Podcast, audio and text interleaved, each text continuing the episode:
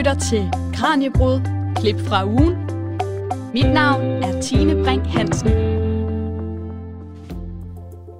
Velkommen her til weekendudgaven af Radio 4's videnskabsprogram Kranjebrud. Programmet her, som sendes hver søndag, er en opsamling på det allerbedste, vi har undersøgt i Kranjebrud i løbet af ugen. Og igen i denne uge har Kranjebrud været vidt omkring – Vores vært Maja Jensen har blandt andet besøgt en zooarkeolog på Moskov Museum for at snakke om hesten i fortidens Danmark. Vi skal også dykke ned i en for nyligt udgivet VIVE-rapport om LGBT-personers levevilkår. Og så skal vi tale om den nye Amazon Prime-serie The Rings of Power, der er en del af Tolkiens magiske univers. Til sidst skal vi høre en antropolog fortælle om, hvilken indflydelse selvoptimeringsapps de har på os – Velkommen til Kranjebruds klip fra ugen. I mandags var Kranjebrud på besøg ved Moskov Museum. Her gjorde zooarkeolog Jakob Kvejborg os klogere på menneskets forhold til hesten.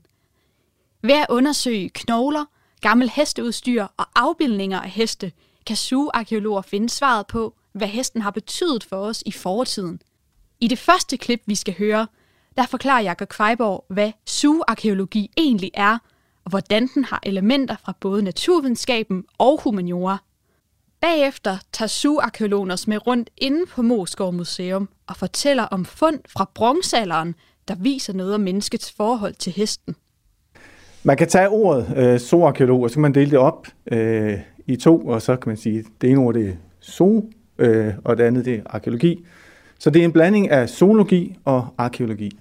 Øh, og det er en af de her mange tværvidenskaber, som vi gør brug af inden for arkeologi, hvor vi ligesom tager noget fra noget naturvidenskabeligt og blander med noget humanvidenskabeligt, som arkeologien er herude.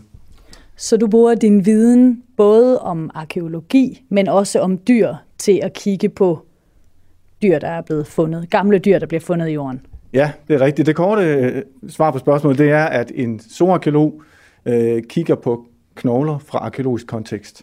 Og ud fra de knogler, så prøver vi så at sige noget om, øh, hvad er det, vi har fundet her, og hvad har det betydet øh, for de mennesker, som engang har aflejret de her knogler. Og øh, det leder meget fint over til øh, det næste, jeg gerne vil spørge dig om, nemlig vil du ikke lige beskrive, hvor vi står? Jeg vil sige, jeg har aldrig stået i et, øh, i et lokale med den her udsigt før.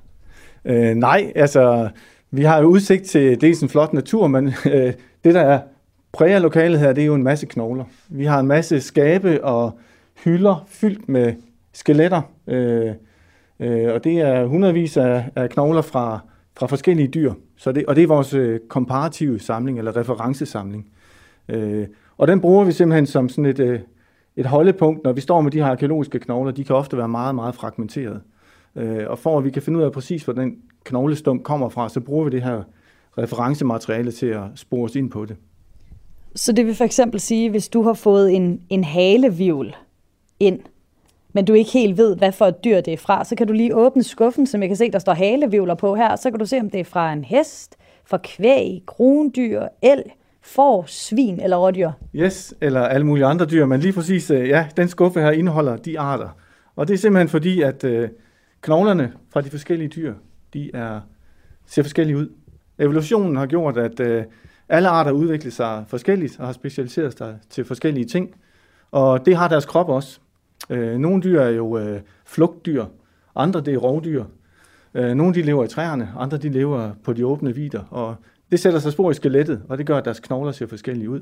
Øh, og det kan vi bruge til at tage selv en lille stump af en knogle, og så faktisk kunne sige præcis, hvilken knogle er det, og fra hvilken art.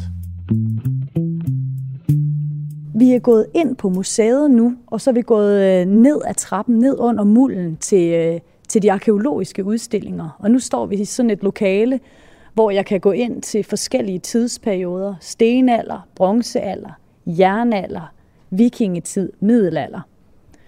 Hvor skal vi gå hen, hvis vi skal lære lidt mere om udbredelsen af, tamhesten i Danmark? Jamen, øh, så skal vi til bronzealderen. Fordi det er i bronzealderen, at vi ser de første sikre tegn på, øh, at nu er hesten domesticeret, og at den er, har spredt sig til, til Norden også. Så det er bronzealderen, vi skal ind i. Og det første stop, vi laver, det er her ved ungarsk hesteudstyr. Vil du ikke forklare, hvad det er for noget, vi kigger på her, Jacob? Jo, det vil jeg gerne. Altså, vi nu er vi kommet ind i et rum, som ligesom kan sige, at det er porten til, til den nordiske øh, bronzealderkultur.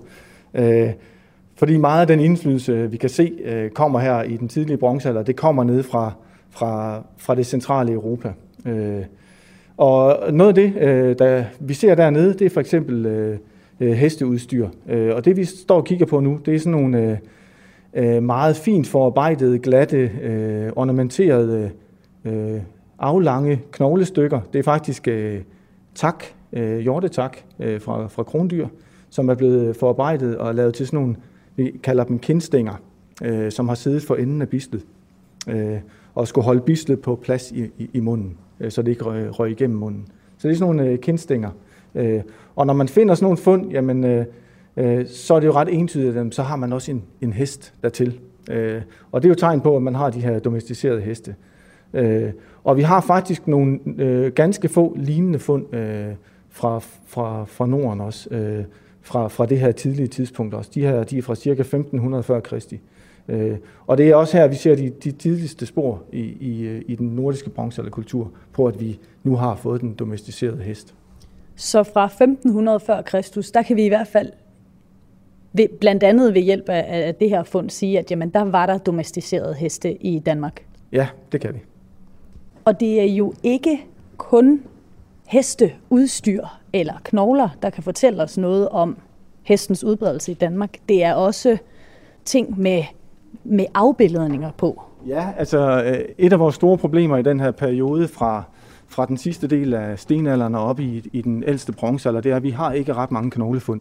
Øh, så, så er vi ligesom nødt til at bruge øh, andre kildegrupper til at fortælle os noget om, om, om hvilke dyr man har haft og, hvad, hvad deres betydning og sådan noget. Og så er det så heldigt, at bronzealderen er utrolig rig på, på bronzer øh, og på, på billeder. Øh, bronzealderkulturen er jo fyldt med, med billeder, hvor man dels på, øh, på helleristninger, øh, men også på bronzerne har indridset fine billeder og alt muligt.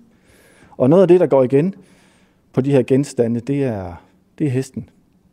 Øh, og det, øh, det siger jo lidt om, at hesten har fået en eller anden øh, vigtig betydning. Det siger jo ikke nødvendigvis, at det er en tamhest, men de kontekster, vi kan se, øh, hesten indgår i, det, øh, det viser, at det er tamhesten, fordi nogle af billederne, der er det en, øh, en hest, der trækker en vogn eller et eller andet. Og så, så er vi jo over i en tamhest og ikke en, en, en vildhest.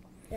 Så de her indirekte øh, vidnesbyrd, de fortæller os om, at nu er hesten kommet til Norden, og den spiller en meget vigtig rolle. Ja. Og øh, nu står vi foran en barberkniv. Og jeg kunne godt tænke mig at bede dig om den måske svære opgave, det ved jeg ikke, at beskrive, hvad det er. Hvad ser vi på denne her barberkniv, der ligger foran os nu?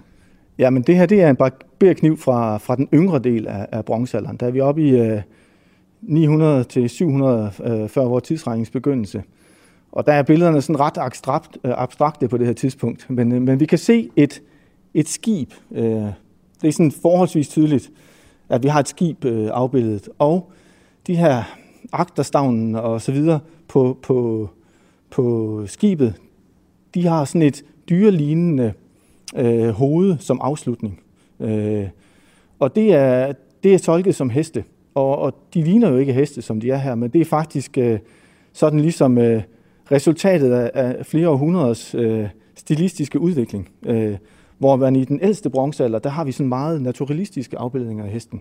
Øh, og så når vi kommer op ad mod yngre øh, øh, bronzealder, så bliver de mere og mere stilistiske og svært tolkelige. Men, men når man kan følge den her udvikling, så kan man godt se det øh, i billederne. Men står man bare med sådan en, en ravkniv her med, med, med et skib med hestehoved, øh, øh, så, så kan det være svært at, at, at, at tro på, at det er hestehoveder. Men, øh, men, øh. men vil det sige, at man kan se denne her måde at, at, at tegne hesten på, eller sådan symbolisere hesten på, den vil man også kunne se i andre øh, afbildninger på, på andre genstande? Ja. Altså noget lignende den her? Ja, det, det, det, det kan man. Øh, og det er især helleristningerne. Øh, øh, der, har man, der findes øh, hundredvis øh, af skibe, øh, øh, og hundredvis af de her skibe med hestehoveder øh, afbildet på helleristninger i Norge og Sverige.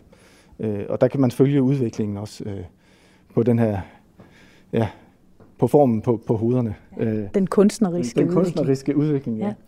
Og jeg ved, hvis vi går lidt længere herover, så er der et fund rent faktisk af en knogle. Nu sagde du jo tidligere, at øh, det var ikke altid så nemt. Øh, der var ikke så mange knoglefund for den her periode. Men, men det er, der ligger jo en hestetand der, Jakob. Ja, det gør der. Øh, det er fra en, øh, en grav, en kvindegrav, øh, også fra, fra, fra, hvad hedder det, fra bronzealderen, og den er fra, fra, fra, fra ældre bronzealder. Øh, så det er sådan et forholdsvis gammelt fund faktisk, øh, og det er et af de tidligste sådan direkte vidnesbyrd, vi har på hesten øh, herhjemme. Vi har andre lidt ældre hestefund også, men, men den her, det, der er det især konteksten, som er vigtig. Ja. Øh, det er faktisk øh, en øh, troldkvindes grav, eller en shamangrav. Øh, og, Hvordan øh, ved man, at det er en troldkvindes øh, grav? Ja, men det er ud fra de genstande, der er med i, i graven. Vi ved øh, ud fra den her billedverden og andre ting i, i bronzealderen, at det var sådan lidt en øh, animistisk øh, kultur. De har i hvert fald elementer af sådan noget animisme. Øh, Øh, og det her, de genstande, den her troldkvinde har med, det er sådan noget som øh, rygvivler fra en, øh, fra en sno, øh, det er en klo fra en los, øh, det er øh, andre små knogler fra pinsvin og brud og, og et luftrør fra en ravn og sådan nogle ting. Så det er sådan en masse øh, underlige ting, man har med. Og det er sådan nogle øh, genstande, øh, amuletter, som, øh, som shamanen har brugt til at komme i kontakt med åndeverdenen osv. Det er i hvert fald sådan, det er tolket.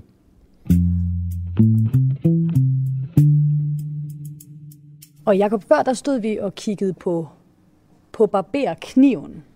Den her gang, så er det så ikke en barberkniv, men det er nogle... Ja, hvad, hvad, har et, hvad funktion har de dem her? Jamen, det er faktisk også barberknive. Det er bare her, hvor vi før kiggede kigget på billederne, der var på selve bladet af barberkniven, så er det nu håndtagene, øh, der er i fokus her.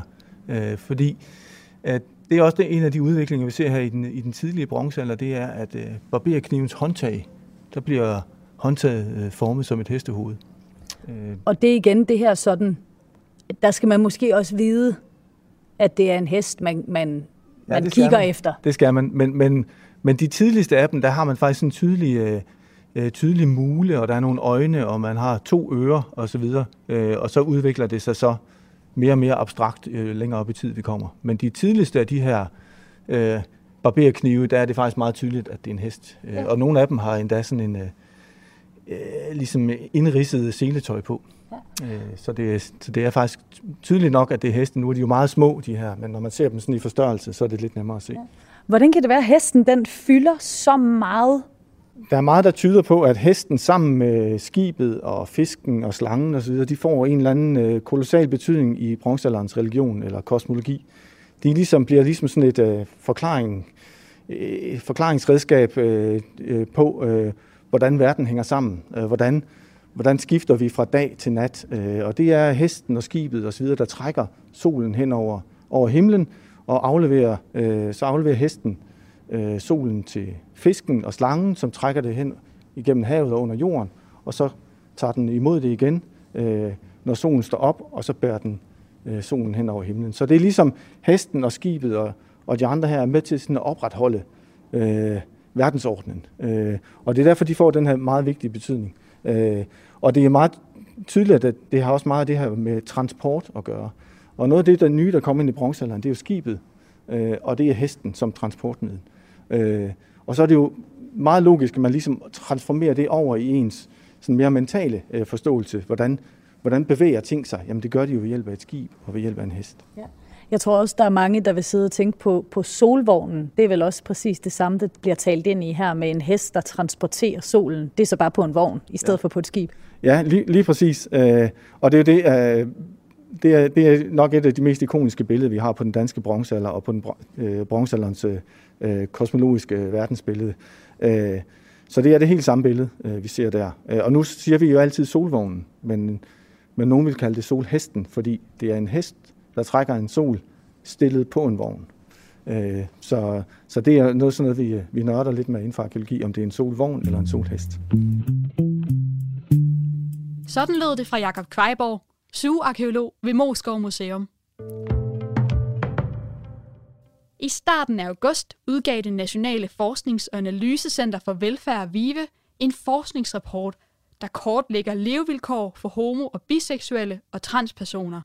Resultaterne peger på, at LGBT personer generelt er dårligere stillet i mødet med samfundet, sammenlignet med den øvrige befolkning.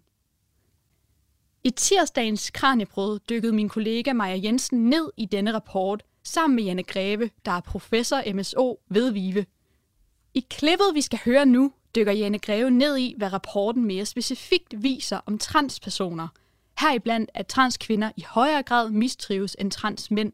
Og til at hjælpe os med at blive klogere på, hvorfor mistrivsel er mere udbredt blandt LGBT plus personer, skal vi også høre fra Susanne Brander Jespersen fra LGBT plus Danmark, samt Nadja Jakobsen, der selv er transkvinde.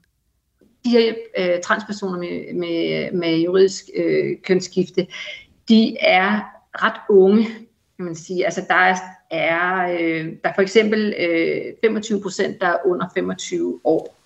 Og det, øh, og det er også vigtigt at, at, lige, og netop også sige noget om, hvorvidt at det er repræsentativt for alle de personer i befolkningen, som, som ikke er ciskønnet, så er det en relativt ung befolkning, vi har, vi har fat i her. Men uanset det, også når vi korrigerer for alder igen, altså de her konklusioner og de her størrelsesforhold er, er faktisk, øh, altså, det er ved med at være der, øh, som siger noget om, at det er, er noget, der er i alders, øh, alle aldersgrupper. Men, men overordnet, så er det jo nogle lidt, øh, ja, ikke nye, men triste resultater i forhold til, at vores undersøgelse overordnet peger på et meget isoleret liv øh, for, øh, for transpersoner i Danmark.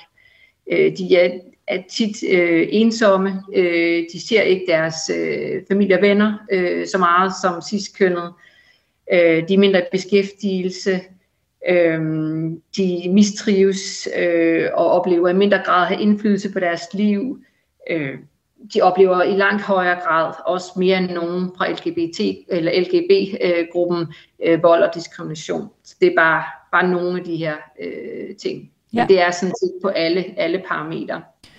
Når vi ser på, på transpersoner, øh, så øh, er der så forskel på, på transmænd og transkvinders levevilkår, når I ser på resultaterne af jeres kvantitative undersøgelse?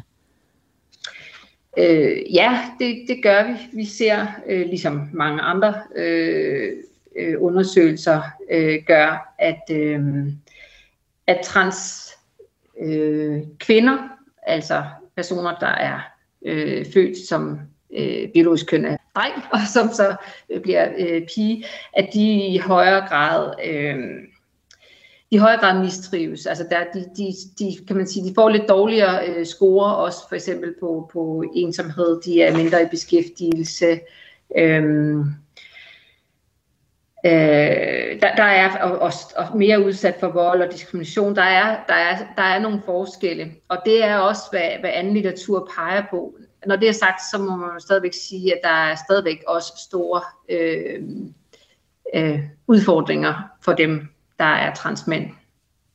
Ja, og øh, vi har nævnt det et par gange i programmet allerede, men den her undersøgelse, den er jo kvantitativ, så den giver os ikke nogen forklaring på de her tal. Og derfor har min øh, kollega Kasper Fris præsenteret nogle af rapportens findings for nogen, der kan give os en idé om, hvorfor tallene ser ud, som de gør. Og det kommer ikke bag på LGBT plus Danmark, at VIVE-undersøgelsen har vist, at transpersoner slås med en række trivselsproblemer. Det ligger nemlig i tråd med andre lignende undersøgelser. Det fastslår Susanne Brander Jespersen, der er sekretariatsleder i LGBT plus Danmark-organisationen, der samler lesbiske, bøsser, biseksuelle, transpersoner og andre, der bryder med normer for køn og seksualitet. Og hun peger på, at netop transpersonerne i mange år er blevet forskelsbehandlet og udstødt. Indtil 2014 skulle man jo steriliseres eller kastreres i det her land for at få lov til at skifte juridisk køn og blive anerkendt af staten som det køn, man var. Indtil 2017 blev man jo betragtet som psykisk syg, hvis man var transkønnet. Så derfor kan man sige, det er jo resultatet af årtiers stigmatisering og diskrimination, der viser sig. For de her undersøgelser, de er jo lavet på voksne transpersoner, som er vokset op øh, og blevet til og har øh, i, i et samfund, som jo i den grad altså ringeagtede dem, ikke betragtede dem som ligeværdige medborgere, behandlede dem som psykisk syge, ikke gav dem mulighed for at kunne leve som sig selv. Øh, det er jo først de sidste to-tre år, vi begyndte at have en samtale omkring, hvad det vil sige at være transkønnet. Så derfor er det jo på ingen måde overraskende, at transpersoner som gruppe betragtet trives så dårligt. Men vil det sige, at du har et håb om, at der er forandring på vej, fordi der er lavet noget om i 2014? Ja, jeg håber da i den grad, at om 10-15 år, når de her undersøgelser måske bliver gentaget, at de vil vise et helt andet billede. Men, men nu står vi jo for eksempel lige, at du ved, fodboldstjernen Mbappe er blevet kæreste med en transkvinde. Prøv du at gå ind på Twitter og se, hvad der er for nogle reaktioner, der kommer på det. Altså den transfobi og nedladenhed og grovkornede kommentarer, der kommer på transpersoner til daglig, er jo også, kan man sige, resultatet af en ekstrem grad af uvidenhed og manglende kendskab til, hvad vil det sige at være transperson. Og den lever man jo med i, sit, øh, i sin daglige, kan man sige. Man læser jo aviser og sociale medier og hører snakken ved øh, frokostbordet på arbejdspladsen. Og der er lang vej fra der, hvor vi er nu, til sådan en almengørelse, øh, som man for eksempel har oplevet som homoseksuel. Hvor vi godt nok også trives dårligere, men jo ikke så meget dårligere end almen befolkningen. Det har jo taget lang tid. Transpersonerne, de vurderer også deres helbred relativt lavt. Har det noget med det at gøre? Nej, men det er jo klart, hvis du vokset op, altså nu, nu er det jo for eksempel ikke, ikke engang tilladt i Danmark endnu at få anerkendt sit køn, hvis du er transkønnet barn. Vel? Det kan du først få, når du er voksen. Du går jo i mange, mange år og tænker, øh, det er svært for dig at deltage i sport, fordi du kommer ind i de forkerte kønnede fællesskaber. Det er svært for dig at måske at, at helt forene dig med, hvad det er for et kropsligt udtryk, du har. Du kan være, at du føler dig utilpas i større eller mindre grad. Øh, og vi ved jo alle sammen, at fysisk og psykisk helbred hænger sammen. Nu har du et håb om, at der er sat en udvikling i gang, men kan man gøre noget for at, at sætte lidt fart på den udvikling?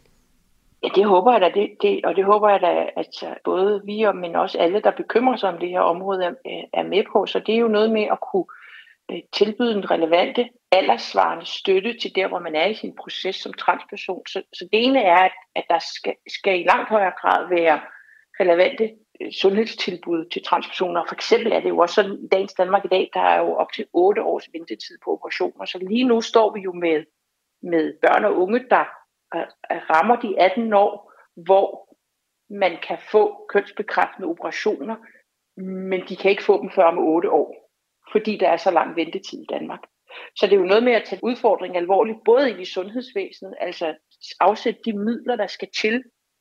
Det andet er, at der selvfølgelig også skal være andre former for støtte og tilbud, altså samtalegrupper, netværk, sparring, steder, hvor man kan gå hen og blive afklaret. Det er noget af det, vi laver. Det er også noget, nogle andre privatpraktiserende psykologer for eksempel udbyder. Ikke? Og så er det jo også at almindeliggøre en samtale om transpersoner, hvor de ikke hele tiden bliver andet gjort og stigmatiseret. Og jeg synes godt nok i medierne meget for tiden. Selvfølgelig er der artikler, hvor man spørger transpersoner selv, men langt, langt de fleste artikler og nyhedsindslag i danske medier lige for tiden om transpersoner, det handler ikke. Der spørger man ikke transpersoner selv. Der spørger man alle mulige andre. Øh, og der savner jeg, at man øh, giver ordet til de mennesker, det faktisk drejer sig om. Det fortalte Susanne Brander Jespersen. Og hun erkender også, at det kan være svært for transpersoner at stille op i medierne, for ofte så bliver de sablet ned på mediernes sociale medier efterfølgende. Men der har vi en fordel, kan man kalde det her på Kranjebrud, for vi har ikke nogen Facebook-side for eksempel. Så Kasper Friis han har ringet til Nadia Jakobsen, der sprang ud som transkønnet kvinde for tre år siden. Og hun mener, at der er en række grunde til, at transpersoner har så dårlig trivsel, og nævner for eksempel kønsdysfori. Og kønsdysfori, det er følelsen af ubehag, der optræder, når ens krop, CPR-nummer eller fremtræden ikke stemmer overens med ens egen kønforståelse. Det er øh, sådan LGBT, LGBT plus Danmark forklarer ordet på organisationens hjemmeside. Og kønsdysfori, det er et alvorligt problem, fastslår Nadia Jacobsen. Det er simpelthen bare svært, hvis ikke man får behandlet sin kønsdysfori i tid og gennemføre en uddannelse øh, vil de fastholde et job, øh, fungerer rigtigt, både i forhold og relationer til andre mennesker. Øh, det er også diskrimination, øh, især på arbejdsmarkedet, hvor 52,5 procent af transpersoner ikke har et job. Altså det, det, det burde ikke passe, så der må være nogen, der ikke vil ansætte øh, transpersoner. Øh, så kan det ikke være så højt. Og så kommer vi til sundhed. Der oplever mange transpersoner, at de ikke bliver taget alvorligt øh, af læger. Både dem, der styrer vores egentlige behandling, men også dem, der ligesom skal varetage vores behandling, når vi så er kommet i hormonbehandling og er blevet opereret for eksempel. Altså, der er læger, som ikke tror på, at en transkønnet kvinde kan have en sygdom, der er, der normalt er relateret til kvinder. Simpelthen fordi de ikke tror på, at vores krop forandrer sig, når vi begynder på hormoner. Der, der er mange fordomme i det system, det er desværre, som er nødt til at skal adresseres, for så bliver vores sundhedstilstand ikke ret meget bedre. Øh, og mister også troen på, at lægerne ved dem det godt, når vi har været igennem systemet, så der er mange, der ikke opsøger læge. Og så til sidst, så er der jo det med relationer til andre mennesker. Der er sådan noget som sport en kæmpe udfordring, fordi der er mange fordomme, og altså det har jeg selv oplevet i sportsklubber også, fordi fejlkønnet rigtig, rigtig meget, og det gør det bare svært at fortsætte med at dyrke sport, og så mangler man ligesom også en form for netværk. Og det kan godt være svært, især hvis ikke man bor ind i storbyerne, at finde netværk, øh, når man er en minoritet. Øh, det er gudskelov blevet bedre, men det er nok en af de største årsager til, at trivselen er så lav også. Hvad, hvad siger du, hvad er du selv har oplevet i forbindelse med sport? Jeg, jeg sprang ud øh, i 19, så skulle jeg ligesom fortsætte i en klub hernede. Ja, der blev jeg fejlkønnet rigtig, rigtig meget øh, af nogle af de mænd, der var i klubben, og det gjorde bare, at, at min lyst til at spille volleyball, den forsvandt.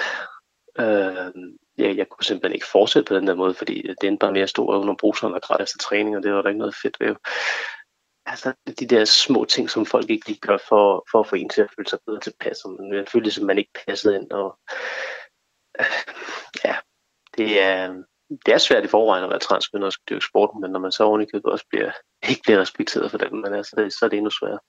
Men er det lykkedes nu at finde en, en klub? Ja, jeg startede i Pan Volley, og Pan det er jo ligesom, det hedder en gigklub, det er en klub, der er åben for alle, hvor der er meget fokus på inklusion.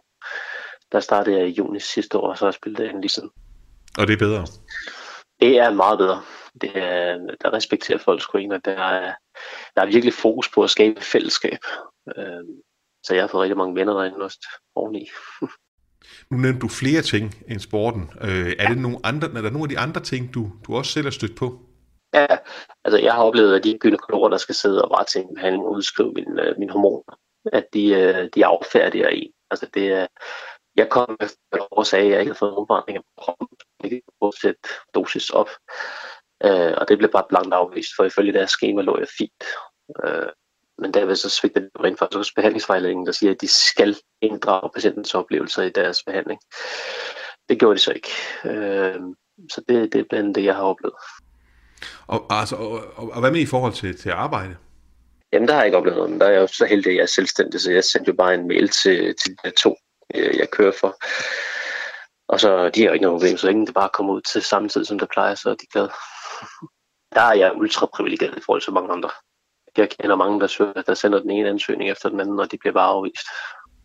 Tror du, at der er nogen chance for forbedring? Jeg håber da. Øhm, vi ser jo flere og flere firmaer, der, øhm, der sponsorerer Pride og går med i Pride.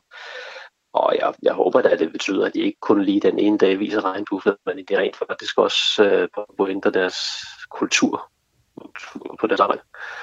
Så jeg håber da, at det bliver bedre. Øh, og det tror jeg også, det gør. Ja, og det skal det, skal det gøre. Det var altså Jane Greve, professor MSO ved VIVE, Susanne Brander Jespersen fra LGBT Plus Danmark og Nadja Jacobsen.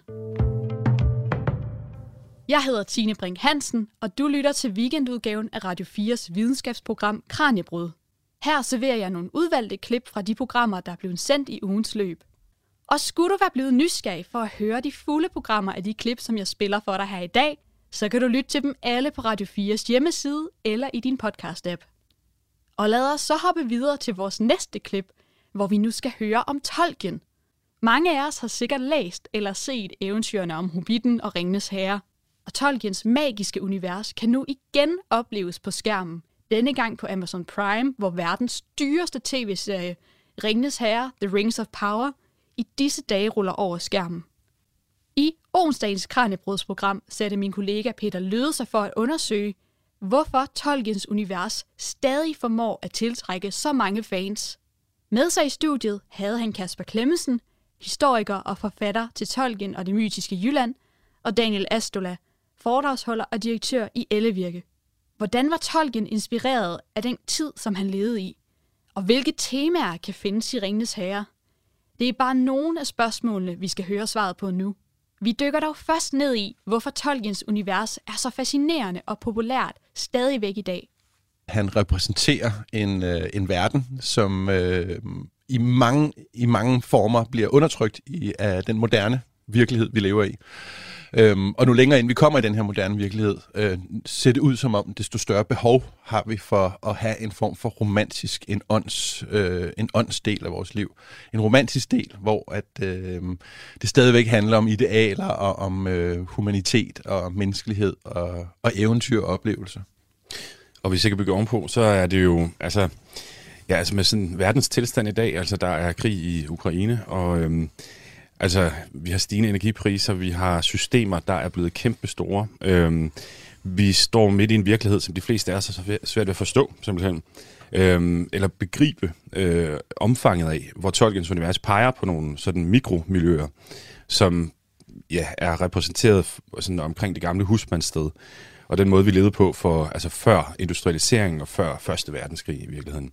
Så på den måde, så er der en eller anden form for, øh, hvad skal man sige, længsel hen imod det enkle, hen imod øh, skønheden i naturen og hen imod noget mere menneskelighed.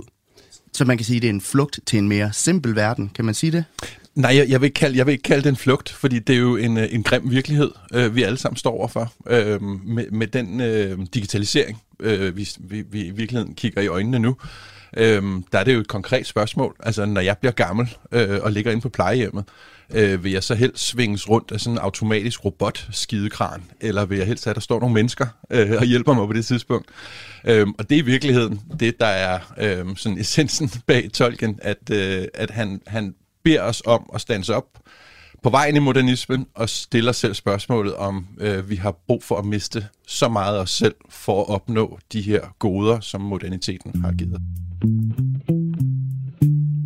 Og Daniel, nu har Kasper sat os lidt ind i den tid, som Tolkien han skrev bøgerne i, og det var meget tydeligt, at han var meget inspireret, fascineret og skræmt af sin tid i ja. krig. Hvordan ser man det i hans tekster? Jamen, det gør man blandt andet i øh, øh, altså hans, hans beskrivelse af øh, Saruman og The Fires of Industry, som jo altså, er et meget tydeligt bevis på, at, øh, at det er forbundet til noget ondt. Øh, samtidig med, at Mordor og Sauron jo er repræs- repræsentative for det onde.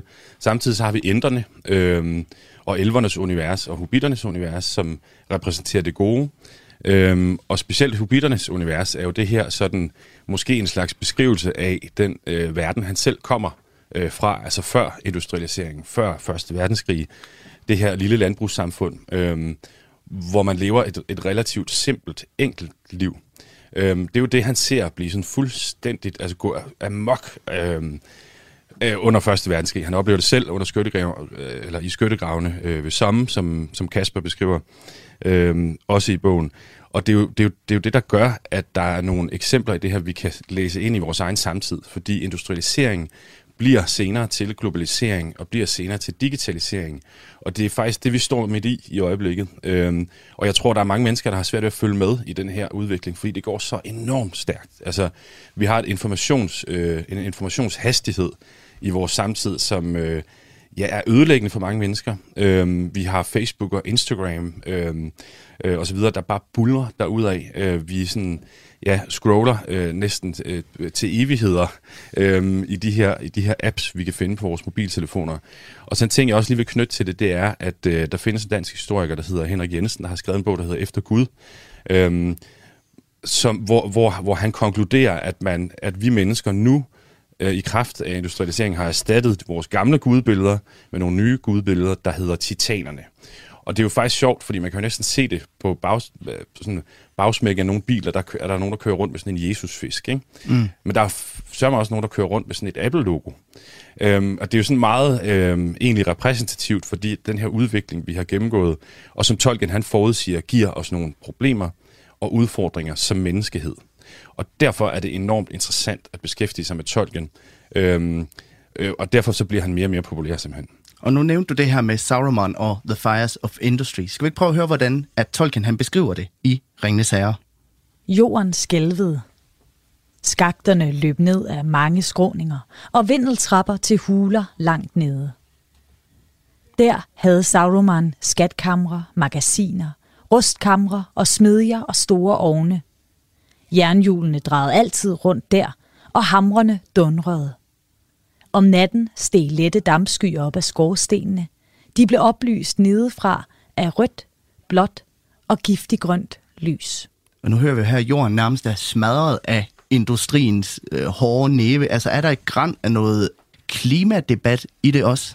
Det, det handler både om klima, altså det handler dybest set om mange af de kriser, vi har påført os selv i dag.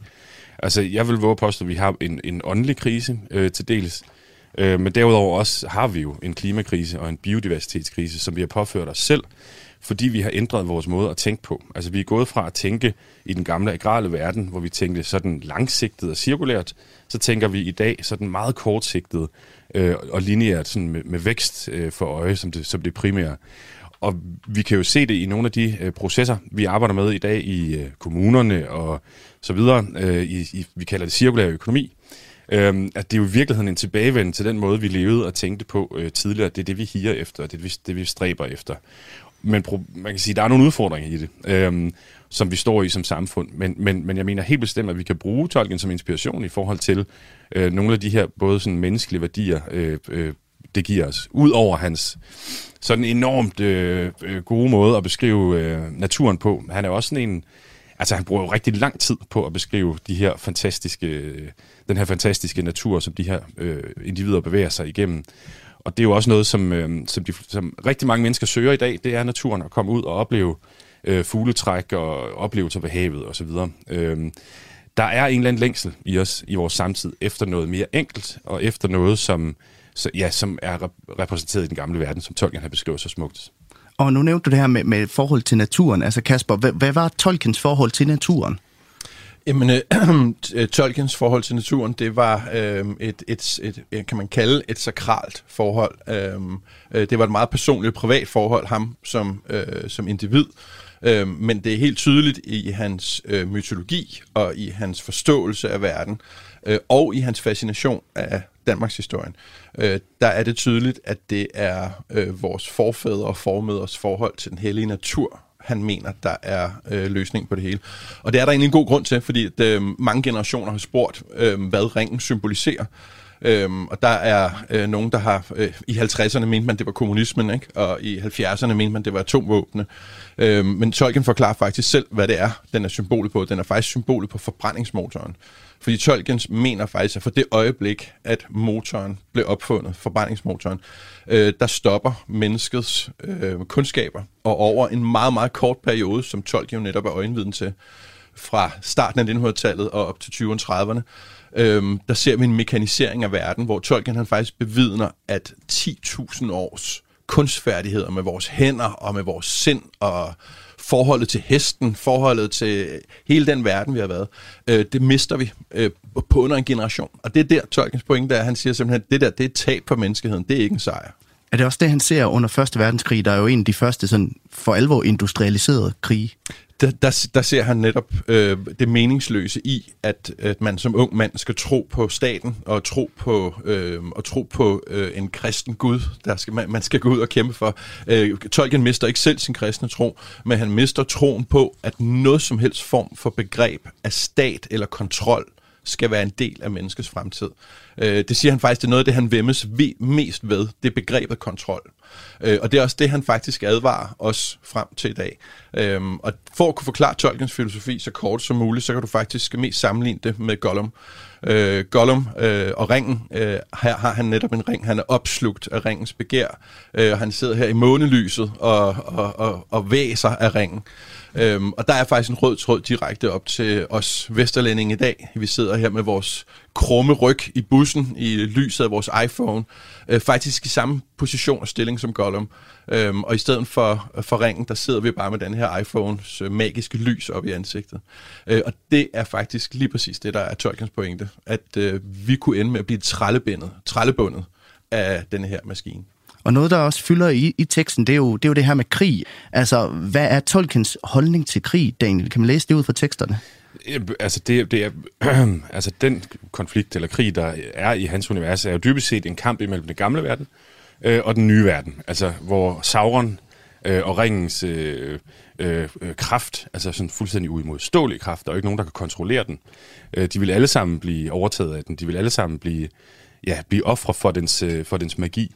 Fuldstændig, og, altså, og på den måde så læser han jo den konflikt ind, også øh, i vores samtid, eller det gør jeg i hvert fald. Altså, jeg ja, kan, samtidig så er han også, der er han også inspireret af, af den virkelige historie, ikke? fordi at øh, øh, øh, Tolkien er et troende menneske, øh, og, og Ringenes Herre, krigsførelsen, den, bliver, den, bliver, den bliver skabt ud fra begrebet omkring Bellum Sacrum eller Bellum Justum, altså begrebene fra korstogstidene, hvor du i virkeligheden, der findes et begreb omkring øh, den retfærdige krig, eller den nødvendige krig. Øhm, og det, det, er jo, det er jo helt klart det, øh, man kan se, at, øh, at der bliver bygget op i mm. Ringenes Herre øh, og Hobbiten. Øh, der er tidspunkter, hvor mennesket bliver nødt til at slås. Og det er sjovt, at du beskriver det her tema med krig som en nødvendighed, fordi at øh, jeg har taget et andet klip med, og det er kaptajnen Faramir, der i bogen beskriver sit forhold til krigen ja. i Midgård. Lad os lige prøve at høre det. Ja. Der må være krig, mens vi forsvarer vort liv mod en ødelægger, som vil opsluge alle. Jeg elsker ikke det blanke svær for dets skarphed, men elsker ikke pilen for dens hurtighed, og ikke krigeren for hans ære. Jeg elsker kun det, de forsvarer. Er krig mere et necessary evil i Tolkiens univers? Altså, altså nu, nu kan man sige, hvis, vi, hvis man skal tale på et personligt plan, så er det jo, jeg er historiker. Øh, jeg har, set, jeg har forsket i menneskets historie, fra vi gik ud af hulerne til nu, og det er, helt, det er helt tydeligt at se, at krigen er en naturlig del af den menneskelige øh, eksistens. Øh, det, det er en uundgåelig øh, måde at løse problemerne for, siden, siden vi har lært at stå og gå på to ben. Øh, men samtidig så er det også tydeligt at se, at vi er, øh, at, at vi er også født med nogle åndsgaver, der skal, gør, at vi skal bekæmpe den side. Og som menneskehed er det jo tydeligt at se, at fra oldtiden og til nu, bliver vi bedre og bedre. Vi udvikler os som menneskehed. Øh, desværre ikke lige nu i Ukraine. Øh, der er altid en, øh, en undtagelse ved alle regler. Mm-hmm. Men generelt, der vil, du, øh, der vil du kunne se en menneskehed, der har udviklet sig højere og højere op i løbet af årtusinder. Ja, jeg synes også, at det der meget, meget smukke øh, øh, lille citat fra, fra bogen, altså at øh, altså det vi kæmper, eller det Tolkien vil have, vi skal kæmpe øh, for, det er jo menneskelighed. Øh, og det er sådan noget som sanslighed, som han også beskæftiger sig med. Øh, og så er det nogle, nogle, sådan nogle værdier, der centrerer sig omkring sådan nogle mere høviske øh, øh, idealer. Det er familien som institution. Det er troen på, at der findes noget, der er større end os selv. Altså øh, igen med reference til guderne over for titanerne.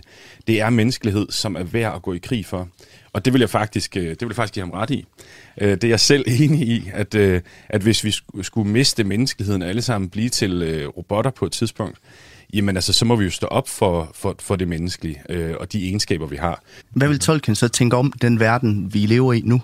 I told you so, tror jeg. Ja, det tror jeg også. Det, det er lige præcis det, han, han, han, han, han advarede i breve og i, i sine fortællinger om, at, at det med at hengive sig til maskinen, hengive sig til ringen, øh, det vil i sidste ende øh, kun føre til en form for, for slaveri. Altså, at vi bliver trællebundet af, af, af maskinen og at vores begær efter, hvad maskinen kan give os, øh, langt overstiger vores, øh, vores menneskelige behov. Sådan lød det fra Kasper Klemmensen, historiker og forfatter til Tolkien og det mytiske Jylland, og Daniel Astola, foredragsholder og direktør i Ellevirke. Bruger du apps på din smartphone, der kan hjælpe dig med at optimere og holde styr på dit liv, og herunder også din krop og dit helbred? I torsdags havde Kranjebrød besøg af antropologen Dorte Brogaard Christensen, der hjalp os med at blive klogere på, hvad sådanne apps kan gøre ved os. Dorte Brogaard fortæller i klippet, vi skal høre, om sin undersøgelse af mennesker, der dyrker selvoptimering, og svarer på, hvorvidt hun fandt tegn på overkontrollerede robotmennesker. Så det vi mødte, det var folk, som var meget nysgerrige på, hvad forskellige teknologier kunne gøre for deres hverdag øhm, forskellige teknologier, hvordan det kunne forbedre deres livskvalitet. Øh, jeg kiggede så på målinger, og der kiggede jeg på, øhm, hvordan målinger ligesom påvirkede hverdagslivet. Og jeg mødte nogle folk, som var interesseret i at nå nogle mål, mm. forbedre deres sundhedstilstand.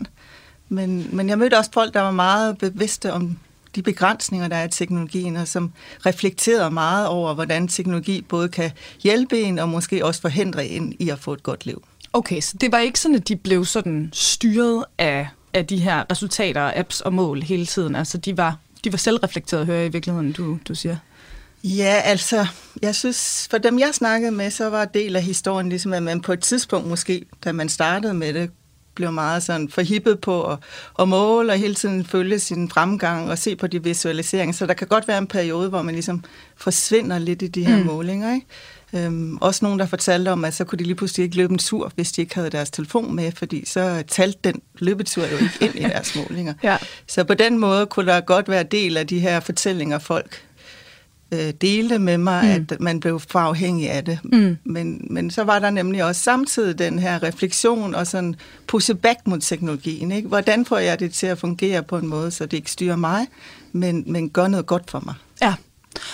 Og hvis vi lige skal forstå det her med, med selvoptimering og hvordan det her, det sådan, er jo en paraplybetegnelse, hvis vi kan sige det, hvor vi finder en masse forskellige mennesker og tilgang til det her inden under det.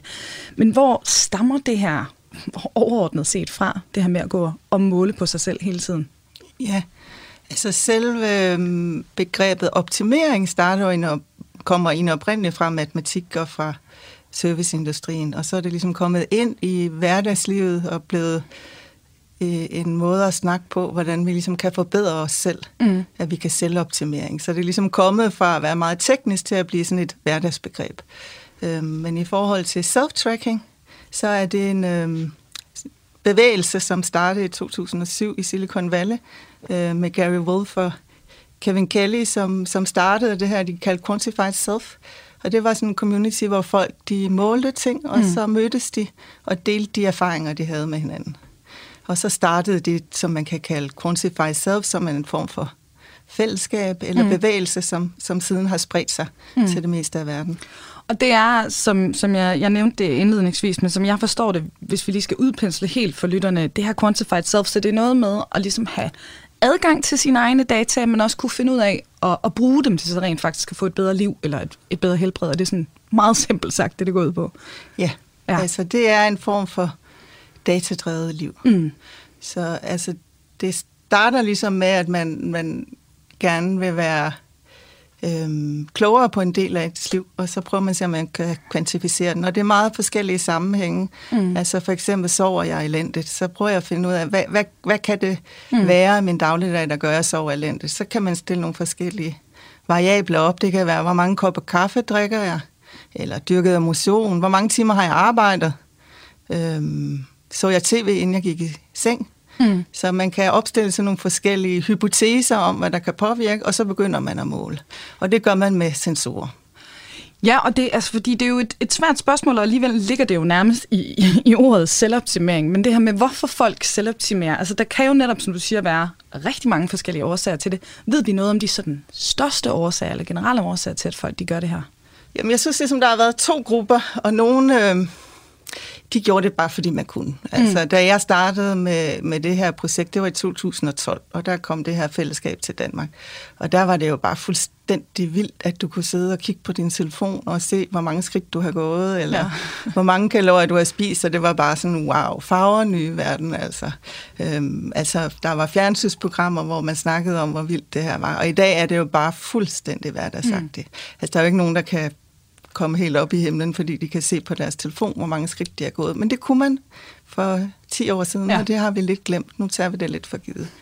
Øhm, men dengang, altså i 2012, der var ligesom to grupper, og det, der var den, den ene gruppe, der bare var fascineret mm. af, hvad teknologien kunne, og så se, ville de gerne se, hvad de kunne gøre for dem. Mm. Så de opsatte nogle eksperimenter for at prøve det af.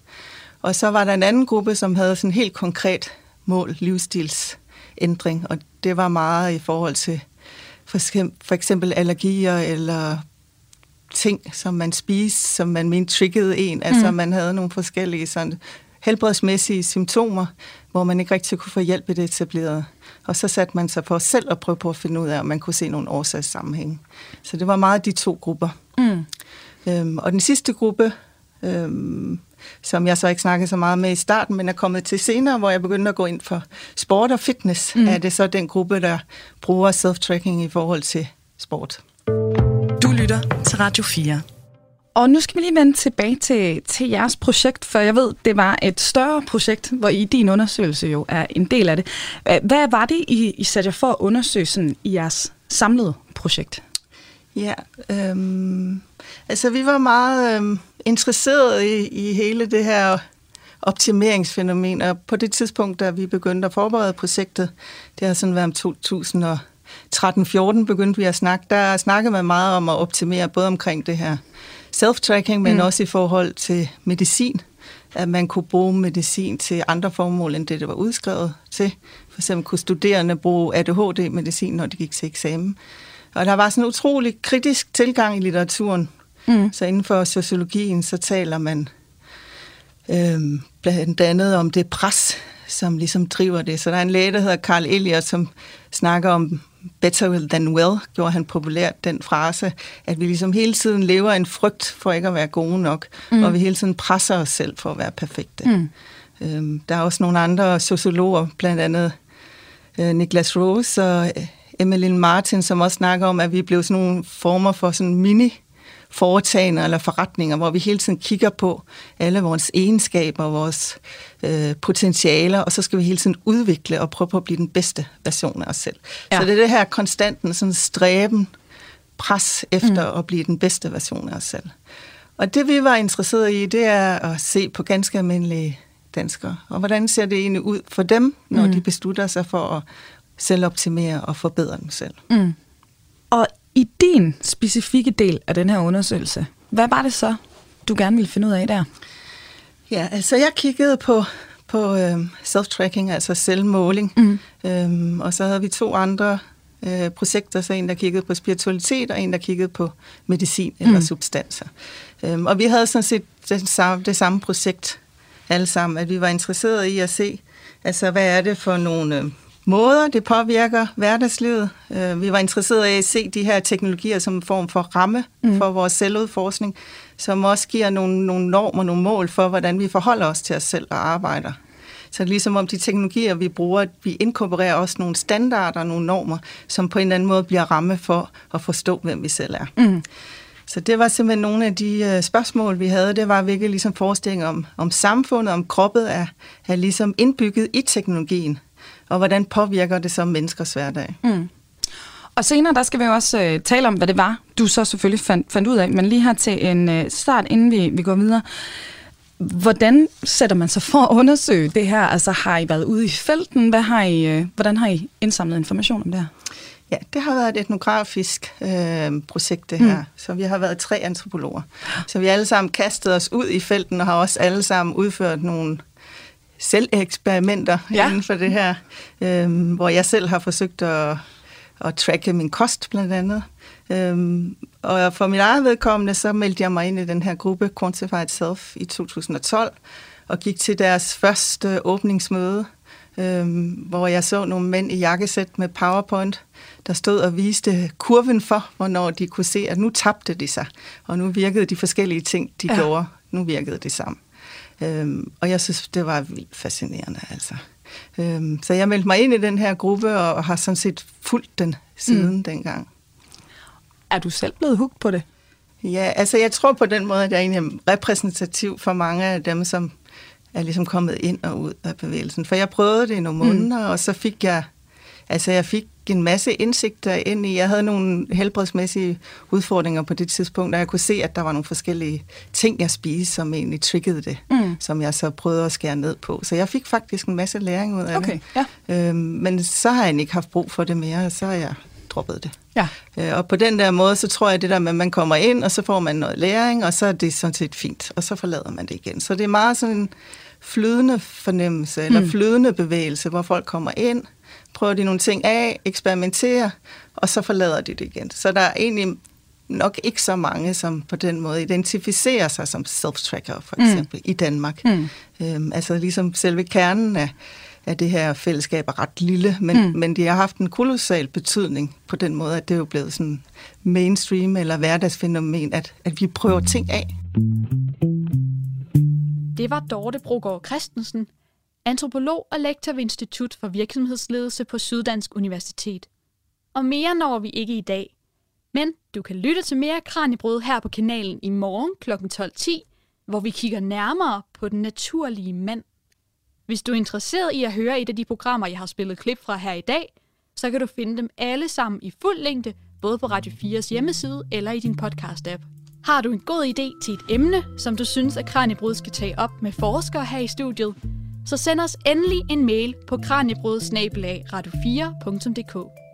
Kranjebrød klip fra ugen vender tilbage igen næste søndag, men for nu er der kun tilbage at sige tak fordi du lyttede med, og på genhør. Programmet er produceret af Videnslyd for Radio 4.